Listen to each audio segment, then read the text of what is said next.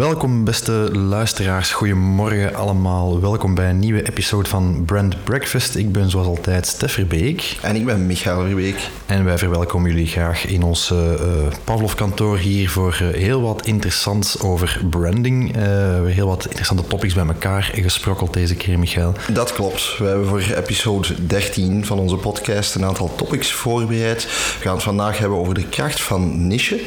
We gaan het ook hebben over taalgebruik bij bedrijven en mm -hmm. overheden.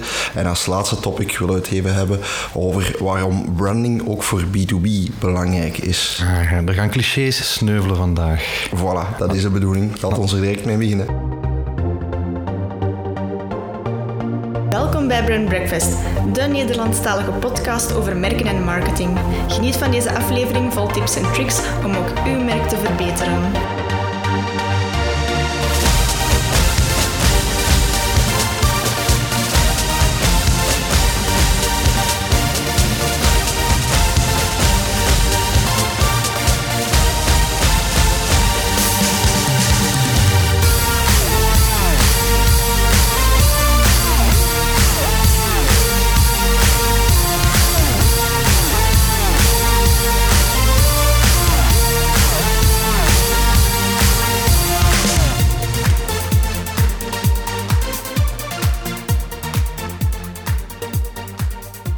Zo, Michael, we gaan, uh, we gaan starten met een uh, interessant topic, vind ik zelf. Ik ben daar een enorm voorvechter van, namelijk niche in branding. Niche trouwens, mm -hmm. de koer in het, uh, in het zaken doen. Okay. Heel concreet zou ik willen beginnen met een heel leuke anekdote. Ik was gisteravond, nog vrij later, terwijl ik hier met kleine oogjes aan het ontbijt zit, op een, een interessant evenement waar start-ups kwamen hun verhaal brengen, kwamen pitchen eigenlijk aan een grote groep van, van aanwezigen. Mm -hmm. Eentje daarvan had een, had een kledingmerk uh, bij, of had een, kan een kledingmerk voorstellen.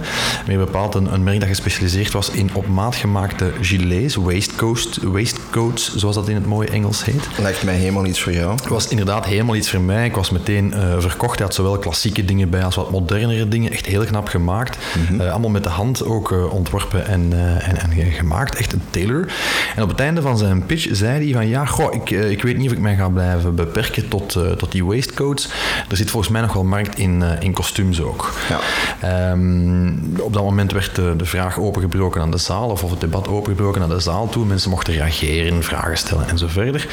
Uh, ik was als eerste aan de beurt, uh, ik vroeg het woord. En ik heb hem, ik heb hem met de hand op het hart afgeraden van zijn, van zijn business open te trekken. Ik, okay. zou, ik zou dat namelijk niet doen, mm -hmm. omdat ik de kracht van zijn pitch net vond zitten en eigenlijk de kracht van zijn concept en zijn merk in die niche. In het feit dat hij zei, van ja, de kostuums zijn er genoeg, zelfs maatkostuums zijn er genoeg.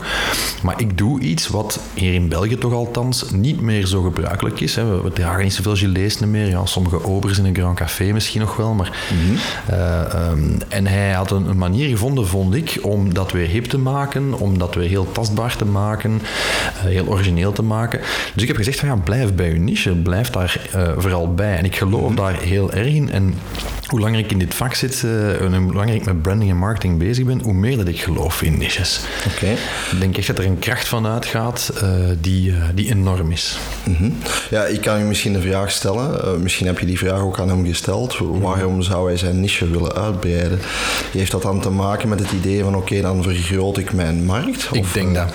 Ik denk dat dat echt een misvatting is die nog bij veel bedrijven bestaat. Van ja, als ik meer doe, ga ik ook meer omzet maken. Ja, ja. En ik, denk dat dat, ik denk dat dat echt een mythe is. Um, ik denk, als je kijkt naar goede voorbeelden van sterke merken, zijn het net vaak die die heel specifiek claimen van daar zijn we goed in en we willen niet alles zijn voor iedereen. Mm -hmm. Dat zijn vaak degenen die overwinnen. Hè. De, um, dat zie je trouwens ook in, in consumentengedrag, zowel B2B als B2C. Hè. We komen er straks nog op terug op B2B, maar um, we leven in tijden van heel mondige klanten, mm -hmm. hè, zullen we dat zo noemen, die, die ook alsmaar meer verwachten van merken, die ook alsmaar meer personalisatie zoeken bij merken. Mm -hmm. Sommigen zeggen we leven in de age of hyperpersonalisatie zelfs. Ja, heel ja, vergaand, hè, dat je zelf je eigen product kan ontwikkelen. Mm -hmm. um, van de andere kant zien wij ook in ons vakgebied dat mensen opdelen in traditionele vakjes en doelgroepsegmenten en, en brandpersona's, dat dat niet meer zo gemakkelijk gaat als vroeger. Mm -hmm. Omdat mensen gewoon unieker en individueler uh, zich uiten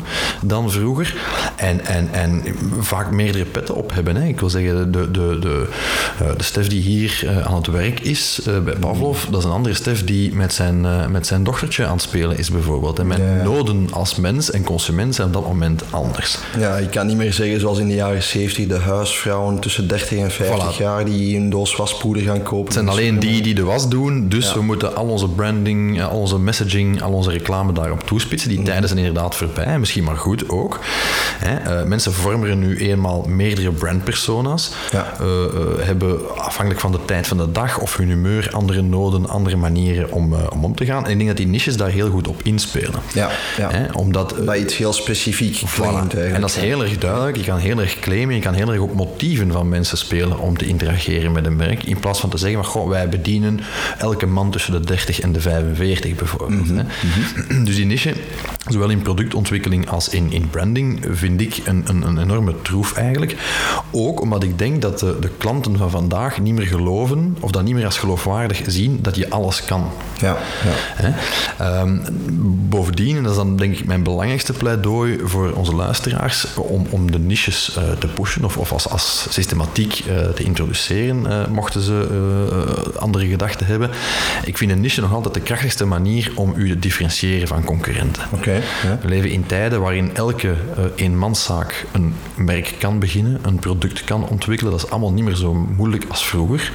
om terug te komen op die anekdote van zo net. Ik denk als je twintig jaar geleden zei, ik wil eigen gilets ontwerpen, mm ja, dan moest je al modeontwerper gestudeerd hebben, dan moest je al de juiste contacten hebben, of je moest al een eigen fabriek maken. De drempel is een stuk kleiner voilà, geworden. Die drempel om, is een stuk kleiner. Je ziet heel veel mensen die naast hun dagelijks werk nog een bijberoep hebben ook, mm -hmm. hè, die heel veel fijne dingen doen in bijberoep. En ik denk dat die niche daar een heel sterke manier is om je te onderscheiden, ook vaak van de grotere en de gevestigde waarden in je sector, dus voor een start-up zeker, maar ook ja. uh, geldt dat voor andere bedrijven.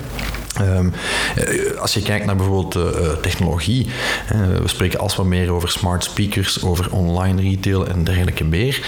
Ja, het wordt nog moeilijker in de toekomst om jezelf te onderscheiden of je moet op mhm. prijs willen concurreren. Ik zal je ja. een voorbeeld geven. Pak ik mijn chocopot is leeg en ik vraag aan uh, mijn Alexa speaker of aan mijn Google Home van ja, bestelt mij een pot choco. En daar staan we echt niet zo ver meer vanaf, zelfs niet in België, waar we toch altijd een beetje achterlopen op dat soort dingen.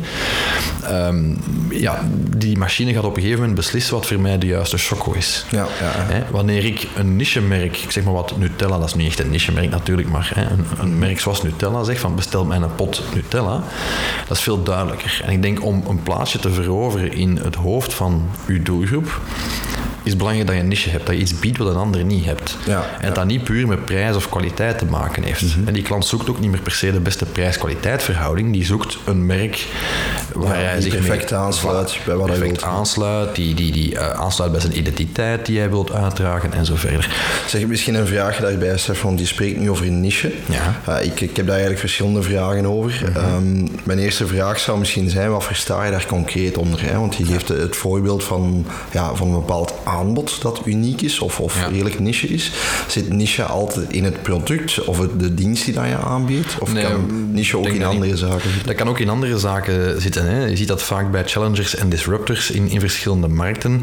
Ik geef bij lezingen vaak het voorbeeld van, uh, van een, een, een, een Axe bijvoorbeeld. Ja. Die gaat echt spelen niet, niet op hoe een product ruikt of een deodorant ruikt, maar op het verhaal er rond. Hè. Mm. Ja. Kiest, claimt daar een niche.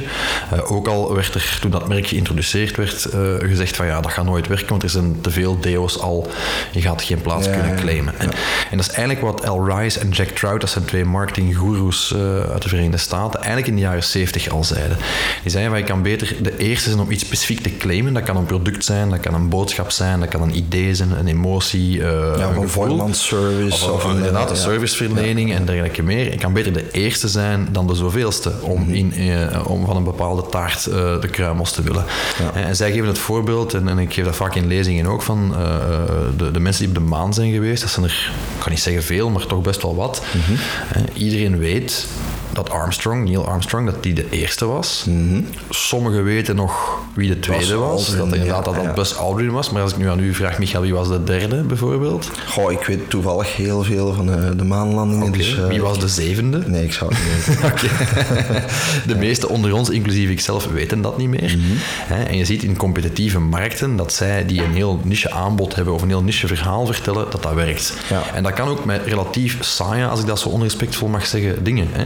Een goed voorbeeld, Belgisch voorbeeld, vind ik uh, onze recente unicorn, Combel. Mhm. die van in het begin als challenger zei van wij gaan ons onderscheiden op support bijvoorbeeld. Ja, ja, dienstverlening van hosting en domeinnamen en, en weet ik veel wat, dat is op zich, was toen niet nieuw, vandaag ook niet. Mhm. Er zijn er heel wat in Europa die dat kunnen leveren, kleintjes en grote.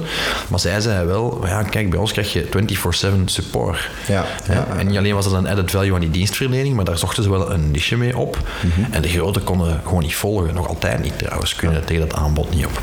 Nu, uh, vraag je bij zo'n niche opzoeken. Hè? Ehm, ja, dat lijkt me misschien ook heel moeilijk. Uh, je zegt nu van je moet proberen de eerste te zijn. Um, je hebt sectoren waar ontzettend veel concurrentie is. Hè? Ik denk bijvoorbeeld aan retail of ik denk ook aan een bepaalde vorm van consultancy. Eigenlijk hetgeen wat wij doen ook. Er zijn heel mhm. wat spelers in onze markt die gelijkaardige zaken doen. Um, is dat niet altijd moeilijk om ervoor te zorgen dat je uniek bent?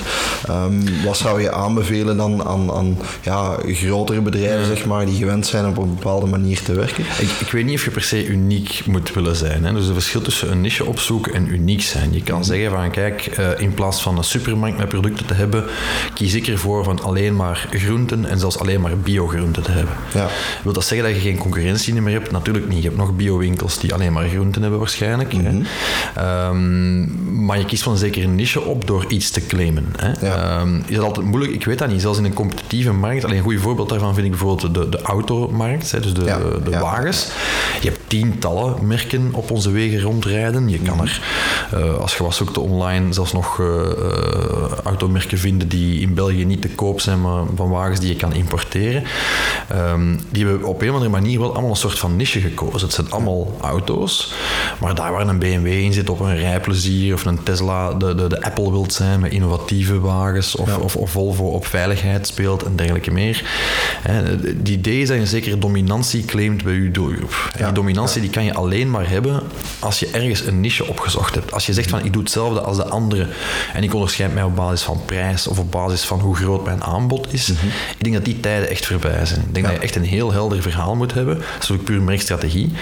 En, en ehm, dat gaat gewoon makkelijker. Ik weet niet wat dat moeilijk is hoor. Ik denk dat dat gewoon makkelijker gaat als je daar keuzes in durft te maken. Mm. Ik denk dat vooral dat laatste is wat bedrijven soms wat te weinig durven. Opnieuw, hè, uh, cirkel is rond, we zijn terug aan het begin van een topic van uh, mijn, mijn, vertrek vanuit mythes van als ik meer aanbied of een groter gamma heb of maar zaak in prijs, zal mijn omzet wel stijgen. Ja, ja. Ik denk dat niet. Ik denk dat... Uh, ja, je omzet zal misschien wel stijgen, maar dat is niet altijd de meest duurzame vorm van groeien. Hè? Nee, natuurlijk niet. Natuurlijk niet. Maar kijk naar de grootste bedrijven ter wereld. En Apple heeft ergens ook een niche gekozen. Hè. Die zouden perfect, zoals alle andere fabrikanten van smartphones, zouden die continu nieuwe modellen kunnen hebben en er mhm. zeven of acht tegelijk op de markt kunnen hebben. Mhm. Ja, nee, die hebben gewoon gekozen. Want kijk, je hebt een iPhone en nu is dat toevallig dit model. En ja, die oudere verkopen we ook nog wel voor uh, een lagere prijs dan. Ja. Maar die spelen echt op één model. Uh, hetzelfde met hun computers en hun, hun tablets en zo. Nee, ik denk dat je hetzelfde voorbeeld kan geven van banken bijvoorbeeld. Die in mhm. essentie, allee, ik ga het nu breed trekken, in essentie dezelfde dienstverlening bieden hè, aan, aan, aan particulieren ja, vaak letterlijk zelfs, denk ik. Vaak letterlijk. Ja. als je dan kijkt dat uh, bijvoorbeeld een KBC zich echt wel uh, poneert als een ondernemersbank of uh, meer die persoonlijke touch gaat bieden. Ja. Um, of zelfs ja, via allerlei chatsystemen mensen het wil gemakkelijker maken om dichter bij een mm, bankier te mm. staan. Dat is dan even goed een, een vorm van niche kiezen. Maar dat is zeker vast een, een, differentiatie of ze innoveren op basis van hun markt. Ik denk dat dat meer met customer centricity te maken heeft. Maar inderdaad, een, een VDK-bank die zegt van wij zijn eigenlijk een spaarbank. Ja. Een Triodos die zegt van ja, wij zitten in dat ethisch beleggen. Mhm. Je hebt een, een, bank van Breda die zegt ja, wij zijn echt een, een bank voor vrije beroepen en ondernemers. Die zoeken niches op. Zijn ze daarmee de grootste? Nee, misschien niet. Maar ik denk dat als je kijkt naar marges bijvoorbeeld van dat soort bedrijven of, mhm. of, of uh, uh, recall, als je daar een onderzoek doet van uh, waar associëren die merken mee, die wel een zeer duidelijke visie geclaimd hebben, een keuze gemaakt hebben en daar ook heel succesvol in zijn. Oké, interessant. Misschien nog een laatste vraag daarover. Mhm. Wat zou je als tip geven aan een startende KMO om een niche te gaan opzoeken? Wat is, uw, wat is uw gevoel daar? Of wat zou je aanraden aan iemand? Wat ik sowieso zou aanraden is, probeer niet alles te zijn voor iedereen, want daar riskeert je van niks te zijn voor niemand. Ja. Eh, en opnieuw, ik heb het eigenlijk net al gezegd, hè, van durf keuzes maken. Ja. Durf te zeggen van, kijk goed, eh, ik zeg maar wat, eh, je bent goed in webdesign en je kan heel erg veel on- met online en digital marketing. Probeer toch te kijken, kan ik mij onderscheiden van gelijkaardige bedrijven door een bepaalde niche, door te zeggen, ja, wij, wij hebben een andere insteek. Ja, dus het vereist ook al wat onderzoek. Het vereist wel wat Ja. onderzoek bij je concurrenten. Ik denk, het beste wat je kunt doen is gewoon naar je klanten of je potentiële klanten luisteren. Hè, en daar noden, noden gaan zoeken. Hè, eh, als ik terugkijk naar de anekdote eh, eh, van de gilets waar ik mee begonnen ben, er zijn genoeg kleine en grote merken waar je kostuums kan laten maken, zowel confectie als, als, als op maat. Maar bij mijn weten zijn er heel weinig die puur op die giletjes spelen en die echt een missie hebben van dat terug hip te maken. Volgens mij kan je dat ook vrij snel hip maken. Ehm, net doordat je de enige bent, ga je ook minder onkosten hebben in marketing en in sales. Hè, want als je dat goed aanpakt, dan wordt dat binnen de kortste keer het merk en de persoon waar je moet zijn voor giletjes. En ik denk echt dat eh, dat de gouden tip is voor veel eh, start-ups, van het niet te breed te zien en eerder eh, eh, te willen groeien in een zekere marktdominantie door iets Ja. te claimen, Ja. dan door eh, een gigantisch gamma aan dingen te hebben.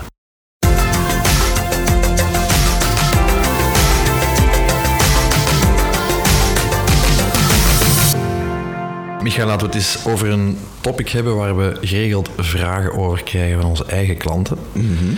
Meer bepaald, hoe spreek ik met klanten? Eh, hoe formeel of informeel moet dat nog anno 2019? Je hoort wel eens zeggen, ja, dat mag allemaal wat losser, wat formeler. De tijden van de mantelpakjes en de, eh, de driedelige kostuums die zijn voorbij. Dus het is oké om klanten met je en jou aan te spreken. Klopt Ja. dat eigenlijk? Oh, goh, eh, dus dat- het antwoord daarop is vrij genuanceerd, Sef. Zoals dat gaat. Meestal in, in een branding context. Natuurlijk heeft het ook weer opnieuw te maken met wie dat je juist gaat aanspreken. Mhm. Of wat voor type van merk dat je bent in het algemeen.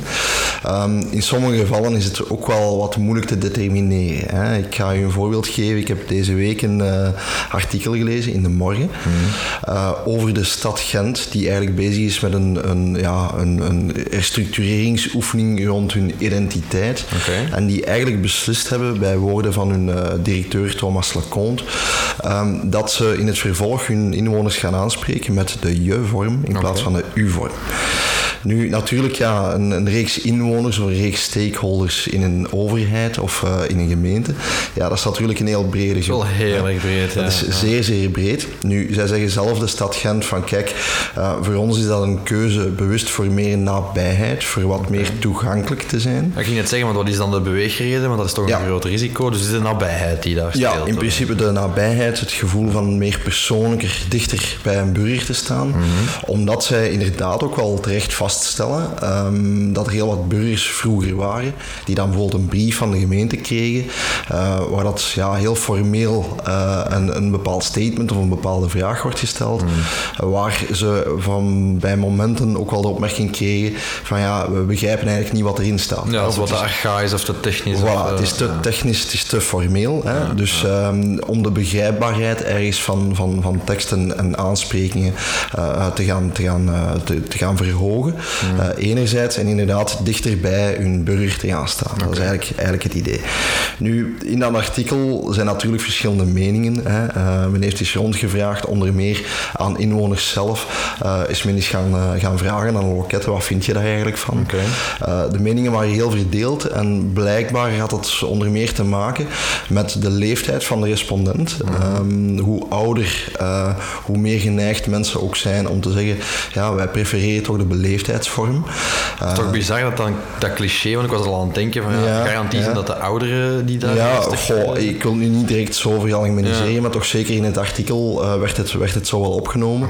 Waaruit vroeger gewoon de gewoonte was om eh, in de U-vorm te spreken, dat was gewoon een beleefdheidsvorm. Hmm. Hè. Nu inderdaad, nieuwere generaties ehm, gaan al makkelijker eh, de, de connectie maken van ja, die U-vorm, dat is wel zeer formeel en zeer zakelijk. En creëert eigenlijk een barrière tussen de afzender en de, de ontvanger. Manier van communicatie. Ik ben daar persoonlijk, maar ik ben, ik ben, ben daar altijd een beetje een, een bizarre in, denk ik. Misschien niet altijd niet mee, niet mee eens, in die zin dat ik...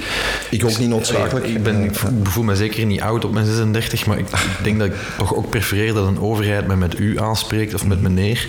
Eerder dan van, hey ho, eh, lieve burger, eh, alles goed met jou en eh, Ja. je kan hier inloggen op uw eh, profiel van de gemeente. Ik weet dat niet, ik vind Ja, dat beetje- is natuurlijk een beetje het evenwicht dat zij gaan moeten maken. Hè. Ehm, Er stond op een gegeven moment een opinie van een hoogleraar, hè, Johan de Kaluwe, Hmm. die ook zei van, kijk, als ik hier nu een eh, proces verbaal in de bus krijg en er staat dan, hey beste Johan, bij wijze van spreken. Je eh, moet nog een boete Ja, je betalen. moet een boete betalen aan de stad. Er werd een beetje lacherig over gedaan.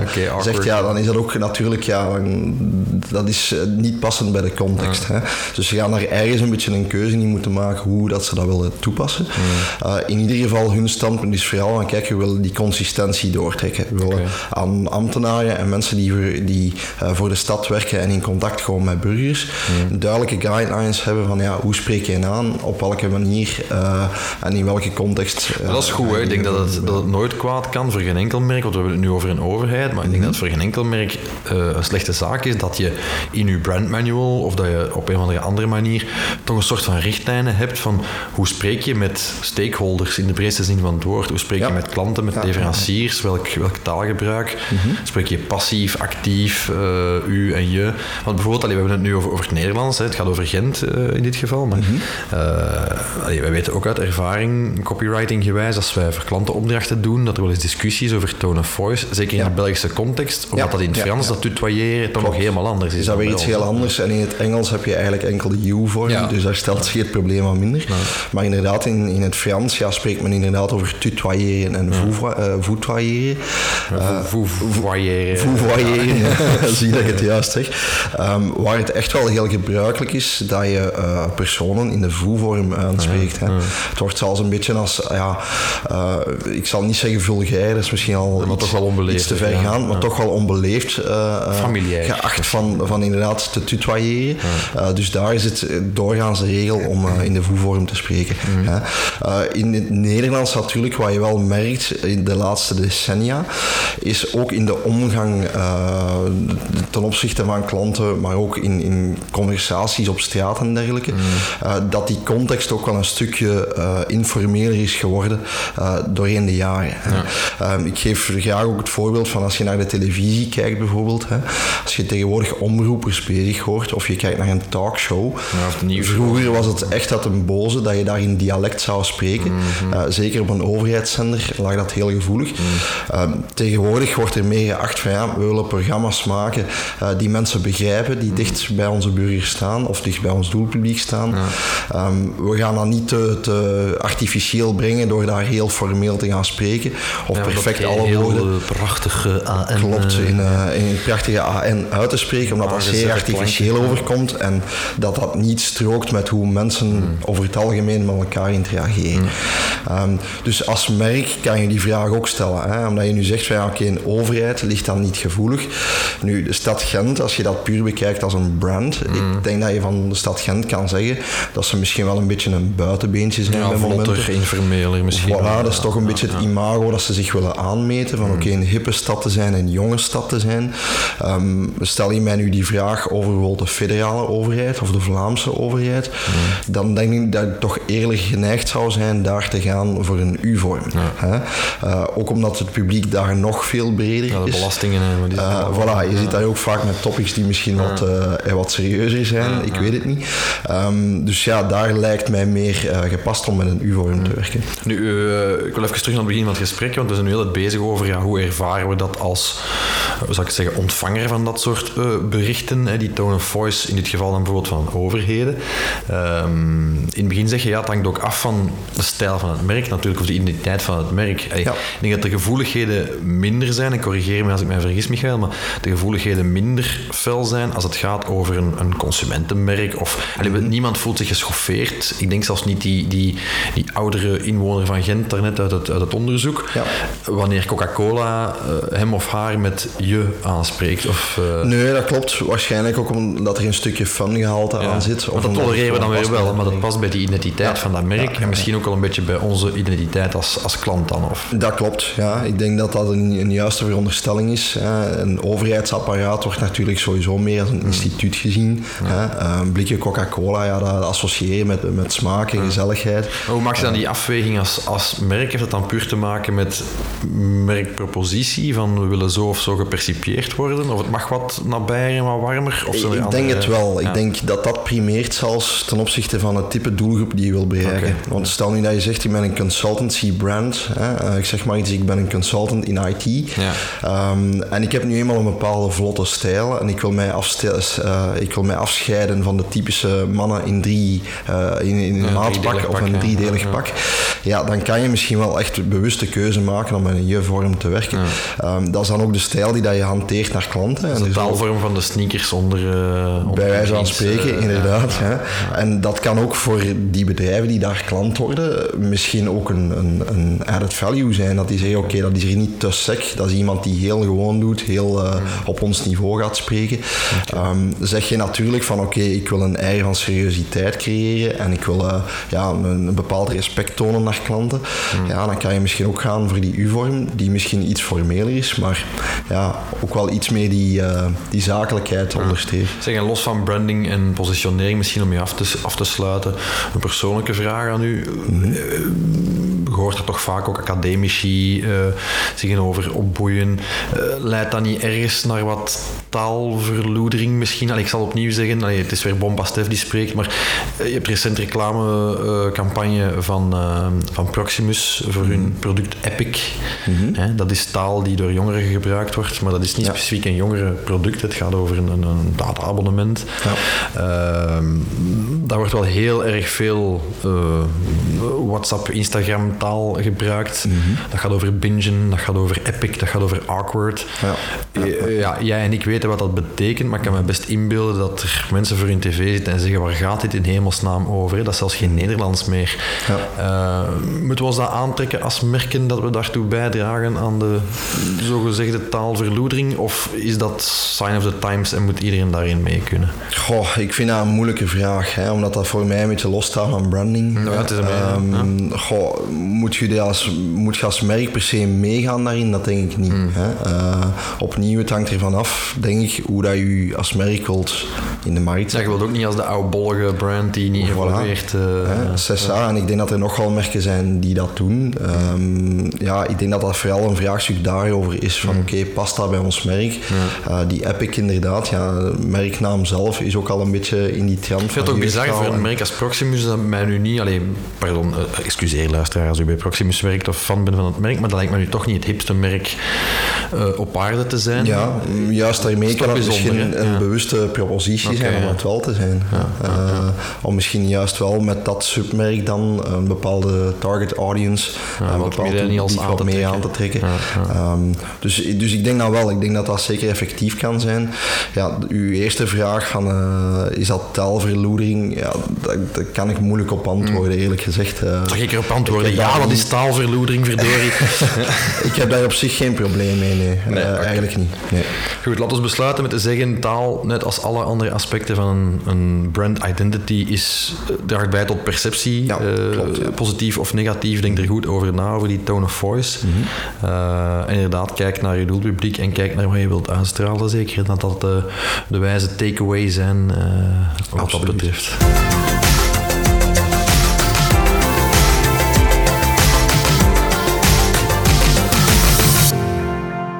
Zo, Stef, we zijn toegekomen aan ons laatste topic. Mm -hmm. We gaan het even hebben over branding in de relatie met B2B. Ja. Onder meer omdat wij toch al vaststellen uh, met mensen waarmee wij converseren, of ook bij onze klanten, dat er misschien een beetje een misperceptie bestaat rond branding. Namelijk dat dat misschien eerder vooral iets is voor B2C-merken of mm -hmm. heel publieke merken. Mhm. Mm -hmm. um, is dat zo? Of uh, moet een B2B-brand ook zich zeer bewust zijn van zijn merk? Maar dat is zeker en vast niet zo. En dat is een, een hardnekkige, hardnekkige mythe waartegen ik blijf strijden als een uh, ervaren Branding Crusader. Eh, inderdaad iets dat, uh, dat de ronde doet. Hè, of dat men maar moeilijk kan geloven dat een goede merkstrategie met een duidelijke propositie en een emotionele gelaagdheid, dat iets is voor B2C-brands. Ehm, dat is zeker en vast niet zo. Integendeel, hè. 32% van de respondenten in onderzoek zegt ja, die merkreputatie bij een B2B-brand, dat is, speelt een enorme rol als een key attribute bij de keuze die ik maak. Okay. Uh, 14% zegt, ja, ik zie eigenlijk geen verschil tussen B2B aanbieders. Ik zeg maar iets, een verzekeraar of, of een uh, verkoper van kopieermachines. Ja, als maar 14% een inhoudelijk verschil ziet tussen u en uw concurrent, dan moet je als B2B-brand wel inzetten op uw, op uw branding. Ja, ja, op andere facetten om en propositie anders te investeren. En ja, die misvatting, dat heeft natuurlijk verschillende wortels. men, men, men denkt heel vaak vanuit het eigen bedrijf of de eigen organisatie. En B2B is daar denk ik nog net iets gevoeliger aan als B2C, maar die toch net iets verder afstaan misschien, kun je dat juist zeggen, van hun, van hun doelgroep. Okay. Van een andere kant denk ik dat er zeker en vast nood is aan storytelling, aan duidelijke mm propositie, zoals ik daarnet zeg. Uh, en wat zien we? Ja, dat, dat gebeurt heel weinig. En dat heeft denk ik te maken met een x-aantal redenen. Ten eerste zit je met de druk organisatorisch uh, om omzet te maken. In B2B uh, speelt dat zeker en vast een hele grote rol. Hè, van, ja, moet op korte termijn geld opbrengen. Ja. ja, natuurlijk, ja, branding is iets dat niet van vandaag op morgen marcheert. Ja. Je ziet ook vaak conflicterende agenda's binnen bedrijven. En, Mhm. uh, ik kan op, op mijn twee handen niet tellen hoeveel uh, bedrijven uh, waarvoor ik al gewerkt heb, waar dat er een complete disconnect is tussen sales en marketing bijvoorbeeld. Mhm. Mm -hmm. Je kan geen consequent brand uitbouwen als die twee diensten niet met elkaar communiceren. Ja. Of als bijvoorbeeld Ja, de webmaster deel uitmaakt van een IT-dienst en niet van een marketingdienst, ik zeg maar wat. Hè. Uh, dus dat zijn echt van die typische, typische dingen die je terugziet. En ik, ik, denk dat er ook daardoor ook weinig gebrek is aan, of een gebrek is aan, aan interne consensus over de weg die men moet afleggen. Ja. Hè, het vereist en ergo, men kiest dan misschien vaak voor de gulden middenweg of... Uh... Ja, of de gemakkelijke oplossingen. Dingen die meteen renderen en het volgende kwartaal zien we dan wel weer. Ja, ja. Terwijl de, de ironie is net dat in B2B de salescyclus veel langer is. Klopt? Dus uh, een consument die zegt, ja, ik moet uh, een pot confituur hebben of ik wil een nieuwe fiets kopen. Mhm. Mm -hmm. Ja, die doet zijn onderzoek, die doorloopt zijn customer journey, maar die gaat relatief snel aan zijn noden voldoen door een aankoop te verrichten. Ja, Wat zie je in B2B? Zie je salescycli van zes maanden, negen maanden, zelfs een jaar. Dat is niet zo uitzonderlijk. Mhm. Mm -hmm. En wat je dan denk ik moet doen, uh, is die customer journey die ook in B2B doorlopen wordt, daar zoveel mogelijk frictie uit wegnemen. Mhm. Mm -hmm. uh, zoveel mogelijk zorgen dat er opnieuw weer er een emotionele gelaagdheid is, een duidelijk verhaal is waar mensen zich aan kunnen vastklampen. Mhm. Mm -hmm. Uit onderzoek blijkt bijvoorbeeld dat de, de number one concern, de grootste angst is uh, het risico die er gepaard gaat met een B2B uh, ja, aankoop. Ja, ja. Ook omdat het vaak complexer, om een complexere aankoop vaak ook gaat. duurder aankopen. Daar moeten we niet flauw over doen. Als jij een consultancycontract afsluit bijvoorbeeld, dat loopt soms in de honderdduizenden euro's. Uh, als jij zegt, we gaan ons wagenpark vernieuwen als bedrijf, ja, dat is anders dan als je als consument zegt van ik ga mij eens een nieuwe auto kopen. Hè. Dus, dus de, de, gravitas van dat soort beslissingen is groter, het aantal decision makers is groter, dus dat maakt het wel wat complexer en mm -hmm. wat langduriger. Um, kan je dat misschien een beetje specifieren, Stef? Waarin denk jij dat uh, een, uh, een B2B-brand dan verschilt van een B2C-brand? Zijn daar verschillen in? Zijn er bepaalde andere aandachtspunten daar? Er zijn verschillen in. Van de andere kant denk ik dat die verschillen kleiner zijn dan dat men algemeen gesproken aanneemt. Ja, ja. De B2B-brands waar ik mee spreek, die zeggen echt heel letterlijk, hè Michael, van ja, goh, uh, al die die jij hier komt verkopen, of wat ik u hoor zeggen op een congres, of wat ik lees op uw blog, dat is allemaal mooi, maar dat werkt niet voor ons. Mhm. Mm -hmm. Want onze klanten zijn niet emotioneel, hè, nog Ja, zo'n nog zo'n mythe. Hè, die zijn niet gevoelig aan dat soort praatjes, die kijken naar een prijs, die kijken naar een Excel-document, die Mhm. kijken naar uh, een aanbesteding, soms als het over overheden of zo gaat. En die gaan de stappen ervoor eigenlijk. Voilà, en die gaan dat allemaal heel rationeel overwegen. Hè? Alsof die mensen die die beslissingen maken in een B2B klantpositie, alsof die hun emoties in een kartonnen doos op de parking laten staan en als robotten naar binnen wandelen in een bedrijf. Hè. Die hebben ook emotionele triggers. En om terug te komen op uw vraag van wat is dan het verschil, de motieven zijn misschien anders. Hè, eh, eh, eh, dat is minder identiteitsgedreven, maar iemand die een aankoop moet doen en die verantwoordelijkheid krijgt over een budget, ja, die wil het niet op zijn donder krijgen van zijn baas Ja. het kwartaal erop. Ja. Die wil misschien kunnen scoren bij collega's. Die wil misschien op het golfterrein tegen andere CEO's kunnen zeggen van wij werken met dat of dat of dat bedrijf eh, Mhm. voor dat soort dingen. Dus de motieven zijn eh, anders, de manier van aanpakken is anders, maar in essentie is, blijft het hetzelfde. Je moet een gelaagd verhaal bieden dat verder gaat dan ratio Mhm. en waar ook wel wat marketing bij komt kijken. En marketing is niet, goh, onze website staat online, Ja, je kunt ja. de pdf downloaden. Hè. Dat gaat echt over nursing, dat gaat echt over customer centricity. En volgens mij de B2B-brands die dat omarmen als strategie, Mhm. die komen gewoon veel verder dan degenen die dat niet doen. En dat is een beetje het pleidooi. Ik zou zelfs, allee, een persoonlijke mening, Stef, maar ik zou zelfs verder durven te gaan. Namelijk dat die email volgens mij juist belangrijker is bij B2B dan bij B2C. Dat Hè? zou zeker kunnen kloppen. Ehm, niet alleen in het merk dan en het verhaal erachter en de reputatie van een bedrijf, dat is één aspect. Hè. Je hebt er juist ook al gezegd, die Mm. Ja, complexiteit van, van, van de acquisitie bijvoorbeeld. Eh, ja, dat, dat creëert risico's, dus je wilt een bepaald vertrouwen hebben hè, als, Mhm. als klant. Ehm, maar ik denk ook een tweede aspect is het persoonlijke aspect. Hè. Als jij, eh, een B- de meeste B2C-merken komen me- niet altijd even persoonlijk of even direct in contact met hun klanten. Maar dat korte termijn is vaak. Hè? Het is korte termijn. Oké, je gaf nu net het voorbeeld van een auto. Ja, dat is dan misschien nog anders, omdat je dan echt wel intensief in contact komt met een, met een verkoper bijvoorbeeld. Want tube tandpasta, ja, Voilà, als ik naar de supermarkt ga, dan heb ik mij vooral te baseren op dat product. Hè. Terwijl als ik een B2B aankoop doe, ik ga nu niet alles over dezelfde kam scheren, want dat kan even goed een telenetabonnement zijn of zo. Hè. Ja. Er is ook weinig menselijke interactie. Eh, maar dan stel ik wel vast dat het persoonlijk contact vaak belangrijk, belangrijker is dan in B2C. Dat is zo, ik geloof dat ook. En dat is ermee dat ik altijd zeg, want we spreken hier nu over B2B en over B2C. Eh, je leest al maar, je- er gaan al maar meer stemmen op in, in marketing en branding. En ik ben het daar wel ergens mee eens dat de, de toekomst is aan de H2H merken, hè, Ja, de human-to-human merken. Of de person Wat dat to daarom person, face-to-face is, dat weet ik niet. Maar inderdaad, van de ene persoon naar de andere, naar de andere persoon. Mhm. Of het nu gaat over een bedrijf dat een aankoop doet of een, een individuele particuliere consument. Mhm. In essentie zou dat geen verschil mogen maken. Hè. Het gaat inderdaad over een, een customer journey optimaliseren. Het gaat over zoveel mogelijk frictie wegnemen. Het gaat over customer centricity. Het, gaat over, het gaat over authentieke belevingen. Eh, Mhm. Hoe je die dan invult zal anders zijn bij een bedrijf dan bij een individu. Akkoord. En daar kan ik de kritiek eh, die daar soms eh, is op B2B branding wel volgen. Ehm, maar dat wil niet zeggen dat je dat compleet mag negeren. Hè. Ehm, en ik zie eh, in, in Vlaanderen dan specifiek toch nog heel veel bedrijven, klein en groot, in die val trappen van och ja, maar ja, we hebben niks sexy van product- of dienstverlening en wij zijn toch maar een boekhoudkantoor of toch maar een advocaat of toch maar eh, een fleet manager van auto's. Ja, je raakt daar iets heel belangrijk aan. Je zegt het woord zelf, hè, sexy. Dat is Ja. inderdaad een opmerking die ik ook vaak krijg. Ja. Van, ja, we, hebben niet, we zijn niet zoals Coca-Cola een hip merk of we kunnen daar niks fun rond doen. Ehm, kan je een B2B-merk sexy maken? En zo ja, wat zijn, wat zijn bepaalde dingen die je daaraan kan doen? Wat is sexy? Hè? Dat is een, dat is, allee, dat is een, Of een- aantrekkelijk, ja. laat ik het zo zeggen. Ik zou die term wat dat betreft eh, in die context niet gebruiken. Aantrekkelijk in elk geval wel. Je kan, je kan ehm, ook aan klantenbinding doen en een zekere relatie opbouwen. Ik denk dat dat key is. Mhm. Ehm, kan je dat sexy maken of kan je dat aantrekkelijk maken? Zeker en vast wel. Hè. Je kan een B2B-merk ook zo intrigerend maken en de interacties tussen het merk en hun doelgroep zo waardevol Mhm. dat, eh, dat het een go-to brand wordt, dat het bijna automatisch overwogen wordt. Ja, ja, ja. Er zijn veel bedrijven die, ik zeg maar wat, eh, computers hebben van Dell, Mhm. die daar zodanig tevreden over zijn, een goed contact hebben met die, eh, met die vertegenwoordiger, Mhm. geloven in die brand values die eraan gekoppeld zijn en die er niet aan denken van te switchen de volgende keer.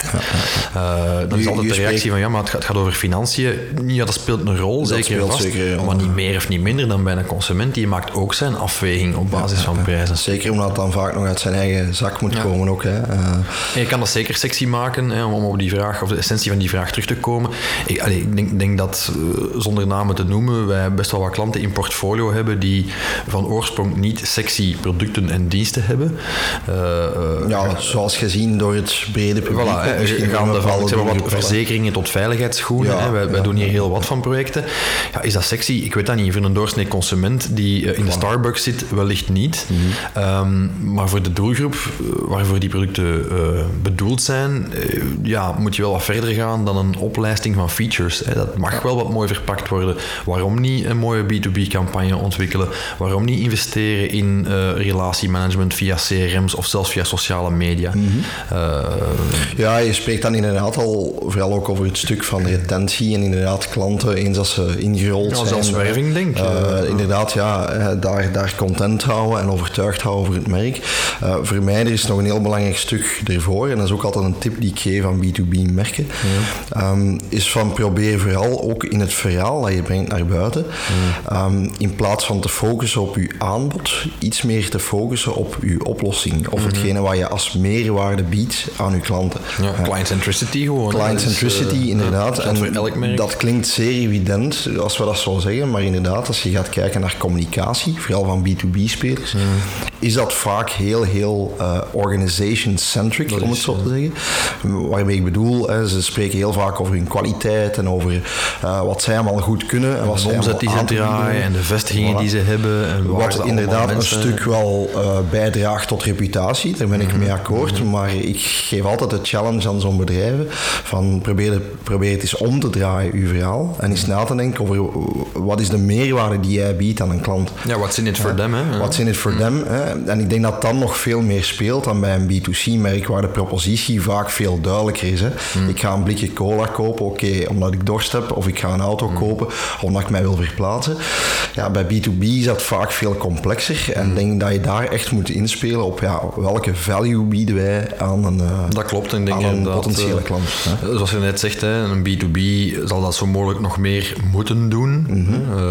uh, we spreken niet over moeten, eigenlijk zou ze het moeten willen natuurlijk, maar uh, heeft daar minstens evenveel nood aan, misschien zelfs meer, net omwille van die uitdagingen. Hè. Yes. Overlast op, een, op een vergadering iemand die voor een, een, een bedrijf werkt dat onderhoud van industriële machines doet. Die zegt van ja, vroeger konden wij echt nog rechtstreeks contact hebben met een, een aankoper. Nu heb je gigantisch veel verloop binnen die bedrijven. Ja, ja, ja. Dat is elk half jaar is een andere junior die daar de Excel's bekijkt om te zien wat gaat mij dat kosten. Klopt. ik snap dat dat een uitdaging is, inderdaad. En je hebt dat, dat soort sectoren bestaan zeker en vast nog.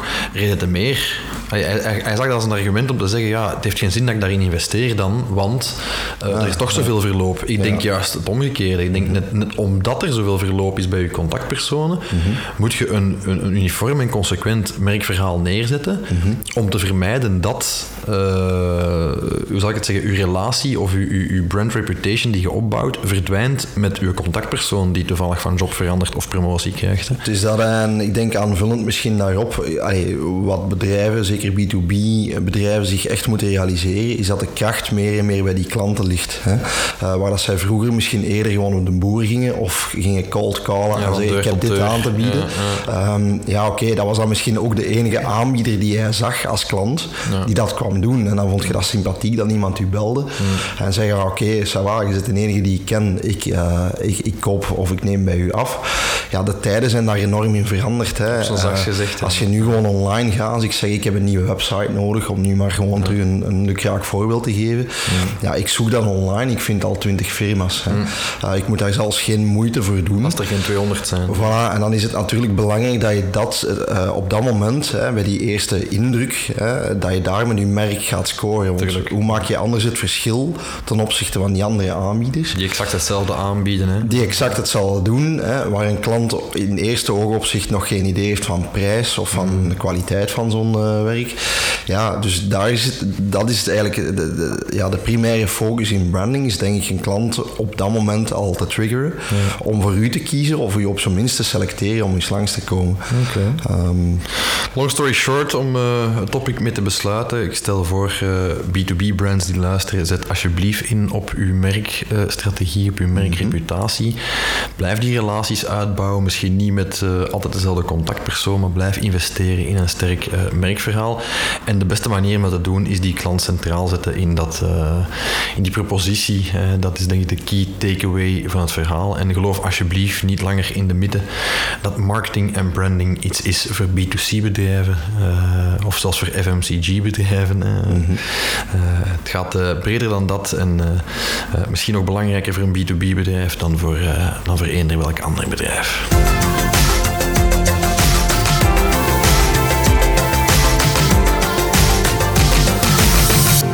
Zo, beste luisteraars, eh, we zijn weer aan het einde van onze aflevering gekomen. Ik wil u van harte bedanken om te luisteren. Hopelijk vond je het uh, interessante inzichten die we vandaag met jou gedeeld hebben. Rest mij nog te zeggen uh, dat wij in de komende maanden, want we zijn natuurlijk al aan het voorbereiden naar het najaar van deze Brand Breakfast, een drietal, als ik me niet vergis, Stef. Ondertussen drie die bevestigd hebben. Ja, een drietal bevestigde gasten hebben. Heel interessante Niet, niet van de minste, Michael. Niet van de minste, Stef. Grote namen, dat mag voilà. gezegd worden. Uh, sprekers of uh, ja, geïnterviewden over hele uiteenlopende uh, thema's. Dus hou zeker onze sociale media kanalen en uw feed van Brand Breakfast in de gaten. Want wij gaan binnenkort een aantal zeer interessante podcasts met jou delen. Ehm, uiteraard moest je nog geen abonnee zijn. je kan u altijd abonneren via de gebruikelijke kanalen. We zijn aanwezig op Spotify, iTunes en Soundcloud zeker is het. Ja, ik moest zelf wel even nadenken. Via brandbreakfast.be. Voilà, als je surft naar de website ga je ons ook wel terugvinden. Bestaat um, iTunes trouwens nog ondertussen? Ik denk dat het ondertussen al... Uh, is, is het niet veranderd naar uh, Apple Podcasts? Apple, ja, of Apple Podcast, inderdaad. Ja, ja, om technisch correct te zijn. Ja, voilà. In ieder geval, we zijn aanwezig op heel wat kanalen. Dus vergeet zeker niet te abonneren. Moest u nog vragen hebben, kan u ons ook altijd contacteren via hello at brandbreakfast.be. Mm -hmm. Aarzel natuurlijk ook niet om uw eigen insteek te geven of moest u vragen hebben voor een komende uh, episode van de podcast, mag die uiteraard ook met ons delen. Voilà. Dan denk ik dat wij helemaal rond zijn voor deze editie, Michael. Dat denk ik ook. Uh, we zijn nog net niet gesmolten met deze warme temperatuur. Ja, Maar uh, we zijn er toch doorgekomen. Voilà. Ontzettend bedankt voor het luisteren en tot de volgende keer. Tot de volgende keer.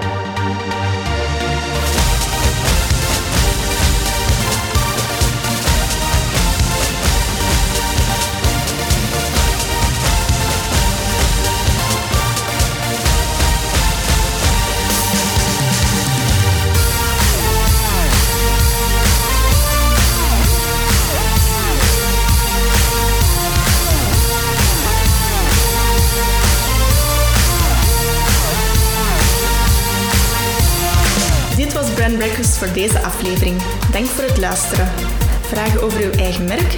Surf naar pavlov.be en start vandaag nog met het optimaliseren van uw merkstrategie, merkidentiteit of merkbeleving.